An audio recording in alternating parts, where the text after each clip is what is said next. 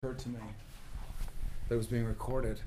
And okay. the funny thing is that even though it's the first time I ever did anything like that, you know, so like like I played very well, but um, the recording was really great. It was really good. and and like since then, you know, there's times when I wanted to do that on purpose, All right. Okay. Because and it doesn't never sounds that good. okay. And I remember the sound check. It wasn't like it. it I just got up there really quick, and it just was very fast. You Mhm. know, and it wasn't like anybody obsessed over it.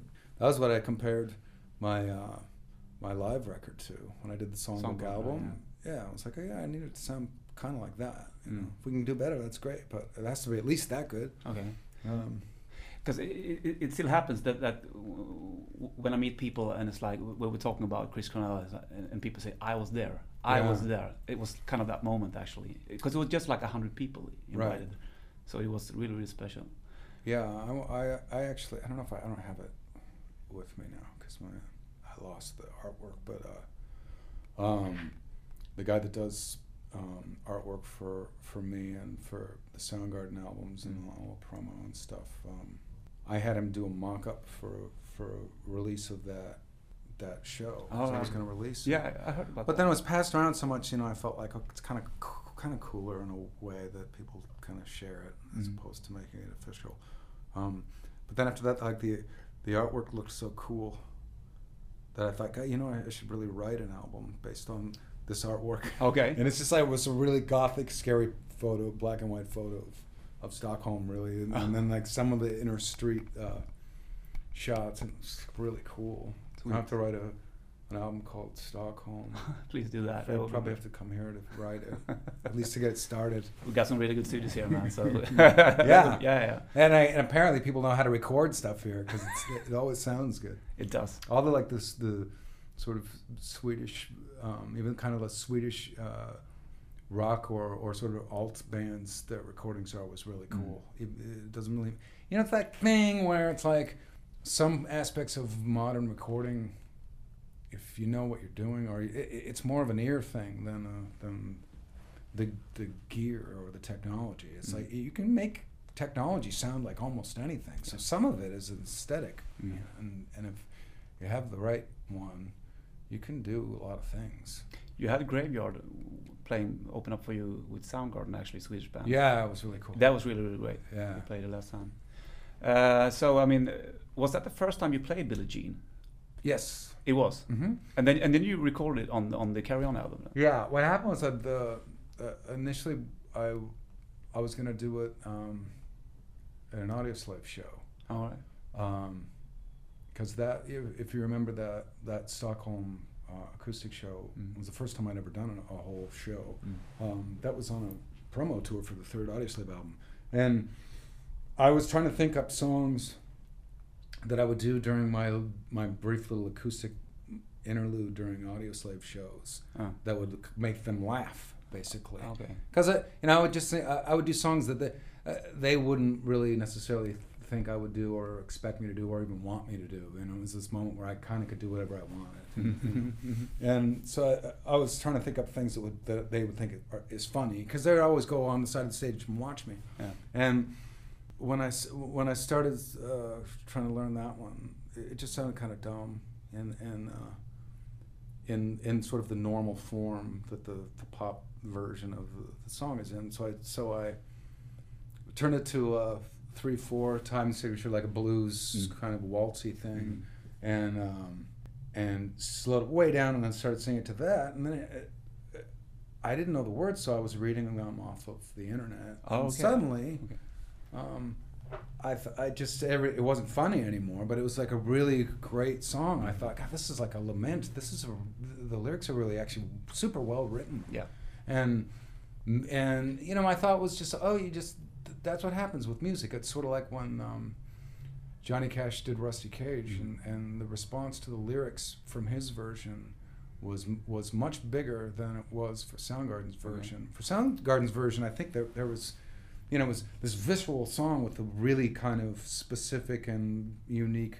Um, approach to the guitar on it and the Mm. sounds and everything about it you know it didn't sound like anything but Soundgarden and it was sort of uniquely us Mm. um, but the lyrics more or less took a back seat to everything else. Mm. And I figured, you know, it's the same thing with with Billie Jean. Like nobody really listened to the words that much. You know, the, most people probably heard it for the first time when they were watching the video, and he's Mhm. wearing like sequin socks and, Mhm. and doing this dan- backwards dance move that no one's ever seen Mhm. before. Mm. You know, unless you lived in New York City, and uh, so that so at least for me, I never paid much attention to the Oh. words, and and it was so it was exciting. It was like this moment of oh yeah, I forgot. You know, I mean, songs can be like that. They can Mhm. kind of do what they. You can do whatever you want with them. There's that you know producers will always say this.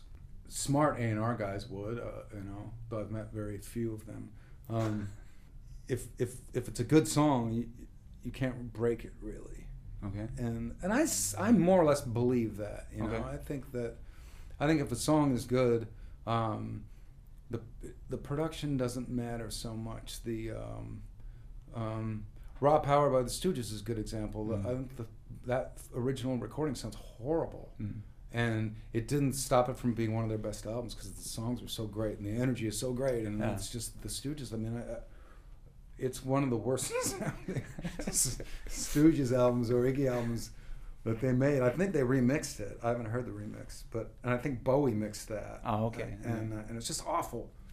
um, but it, I, I don't think anybody ever really bothered to No. worry about it. But I mean, because uh, for example, on Euphoria Morning, you did uh, one song recorded back home, Yeah. Moonchild, right? yeah. And- no. Um. You. Uh, uh, Sweet the- Sweet Sweet sorry, yeah. sorry, and and, uh, and at, at, when that song just comes, it's like it's perfect because it breaks in a way, Yeah. and I think it's very, very. Uh, I mean, even on on the um, on on on Higher Truth, when the first song was out, you know, Forgot Mhm. My Broken Heart, it felt like even if I haven't heard the album yet, it's Uh-huh. like this is a real Chris Cornell. Uh-huh. It's it's it's unique in a way, and it's very very pure. Mhm. At least I feel so. And and uh, from Euphoria Morning, Carry On to the Scream album, and Mhm. and, and and suddenly this is like Chris Cornell. He he can f- fucking play guitar. I can someday. I don't know if you know what I mean, but but Yeah. it feels like "Ooh, at last. Yeah, it feels to me like it's a like with Euphoria Morning. I was kind of discovering. I was actually kind of learning how, Oh, right, how to play the guitar in a Mm. sense. Not so much how to play the guitar physically, but but more, I'm talking about compositionally, really. Mm. Um, and that was a big growing period, and a lot of that was from Alan and Natasha in Mm. a way, um, especially Natasha because she. Um, she was this she was virtuoso in kind of every way. She went to she was classically trained but she probably was one of those freaks that didn't need training. All right. she just knew music. Shit okay. and, and um, so I was kind of learning in a sense sort of the how far can I go with with harmonics and how much of that is is is in me? Because I started playing guitar and after Soundgarden formed. All right. and so initially I think my my strong point was that I had absolutely no um, relationship to the instrument or understanding of it. I'd never learned other people's songs. I didn't know anything about Alright. guitar. So all the songs that I was contributing to Soundgarden were um, almost idiot savant in their approach. It was Mm. me essentially kind of experimenting with an instrument I knew nothing about to make songs. Mm. So there was a uniqueness to them because it was a, a, uniqueness sort of via complete ignorance. All right. Okay. Um, but, but but by by Superunknown, really, I, I you know there wasn't that much further I could take that without Okay. having to, in order to be able to con, to to I guess evolve as a songwriter, I actually kind of had to figure out how to play it, and, Okay. and ha- and you know get what I'm hearing inside my head sort of out through the thing. And and uh, Euphoria Morning was was where I went really far with that, where I really had to sit down and figure it out okay.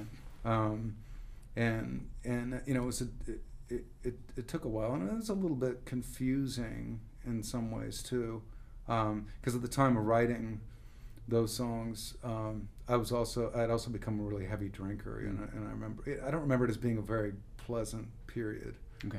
um, whereas writing the songs to uh, carry on I had a really great time Mm. I enjoyed that a lot, and writing the songs for Higher Truth, I really enjoyed that. Mhm. You know, um, but I I think I think after Euphoria Morning, Audioslave happened, and it was almost the opposite, where I where I I sort of gone out of my way to to sort of embrace more complicated song structures and melodies and and push them as far as I could in recording them.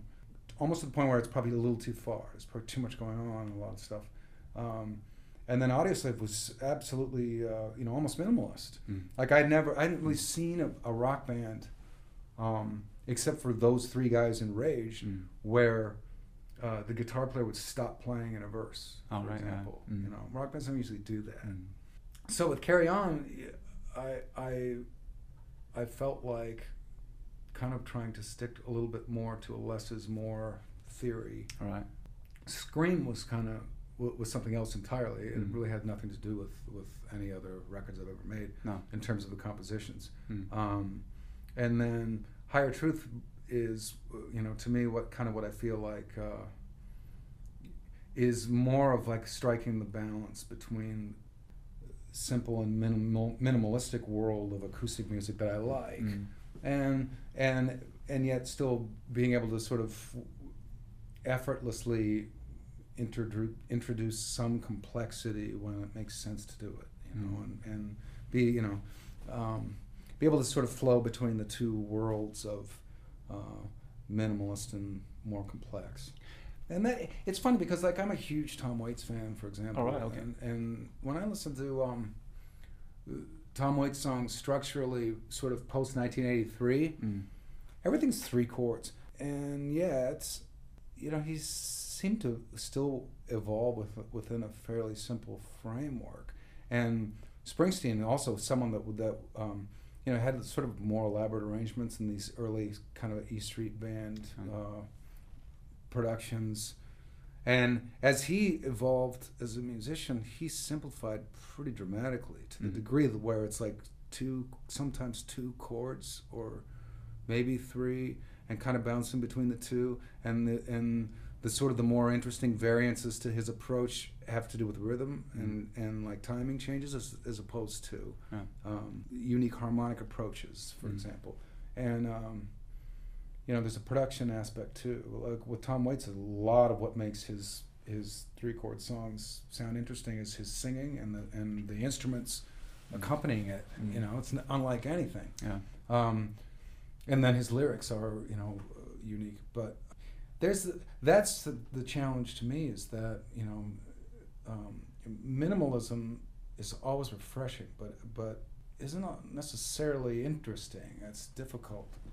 Uh, you know, it's almost like a lightning has to strike moment where you just you pick up a guitar or whatever instrument you're playing and you're doing something very simple and and somehow that moment and that feeling with whatever melodies are playing over each other in its minimalism is more than enough to to make you feel something. Mm. Um, and for me, there's a balance between that and and sort of being more indulgent harmonically, where where it's uh, you know there's almost a little bit of you feel like there's a little bit of thinking in there, even if there isn't. It's you know it's the song melodically going someplace, and that to me is like a lot of the sort of pre and post war kind of crooner standards Mm. where they're fairly simple, but the arrangements aren't as simple as you would think. You know, True. there Uh-huh. there's there's some really sort of almost schooled uh, harmonic tricks and and layering the way the songs and the melodies will play over each other and the chords will shift Yeah. and, and or even Mm. modulate and you're not really sure what's happening, Uh, no, but no. it's working. Yeah, it does. Yeah. Yeah. Wrong Side and Mr. Chains. Uh, Wrong Side is superb, I think. But that Oh, was not, that was not really. In, that's only on the extended version of the Yeah, album. I Why- planned. Why, it, is that? It was actually it was actually in the main version, and and I didn't I, I didn't put it in the main version for two reasons. One was um, when I was listening, I still make albums as though people listen to whole albums Mm. together because that's what I'm used to. Mm. That's how I got into music. I sat in a room as a little kid and just listened to albums by myself. Right. And so when I'm listening, I, you know, the, the again, it's, you know, quotes from producers, for example, uh, you know, that you can't you can't ask the audience to endure anything, you know, and in order to keep them focused, um, everything has to flow. Mm. And uh, I, when I had wrong side, it, it was where um, I can't remember which song is there now. It was where one song that's there now is. okay. And um, when I got to that song, somehow it just kind of drained the energy out of the flow. Okay. Um, but the other reason is that I felt like the demo worked better.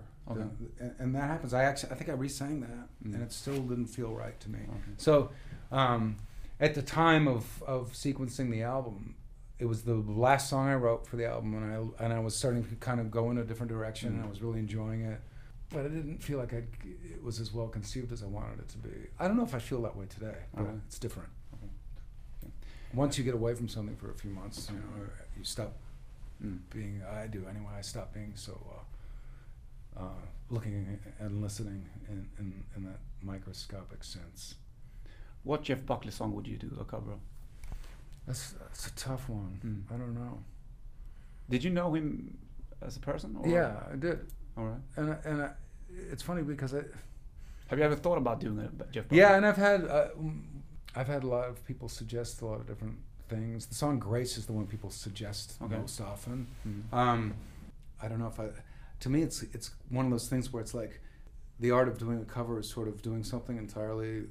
Uh, you know, reinventing something entirely that makes it sound like it's your song and you wrote it, but it's not, and it's maybe you know, and you know, I've done a lot of covers where they've worked really well that way. Mm. Um, and the other one is you do a song that's obvious. For example, like when I do a, if I do a Led Zeppelin song Mm. or something, where it's like I didn't, I'm- I'm not changing it in any way, and Ah. it doesn't sound that dissimilar from what you could imagine some stripped down version of Zeppelin doing it. You know, it's Mm. different, but it's not that much different. And with Jeff, it's like it's tough because I don't, I just don't think there's any version of improving on a song that Mhm. he wrote. I've d- I did a cover that's sort of a cover version of um, his version of a cover, which was "Satisfied Mind," Yeah. and I kind of I sort of fo- followed his version of it. You know, I, the, the only other version of it I'd heard up till then was a Johnny Cash version, which was much more straightforward. Um, but I really loved Jeff's version, Mm. and um, it kind of leads. It, there's a there's a new album coming out that's just him doing covers. Um, you and I, right? yeah, and I'd heard some of them in the past, Mm. but it's pretty brilliant.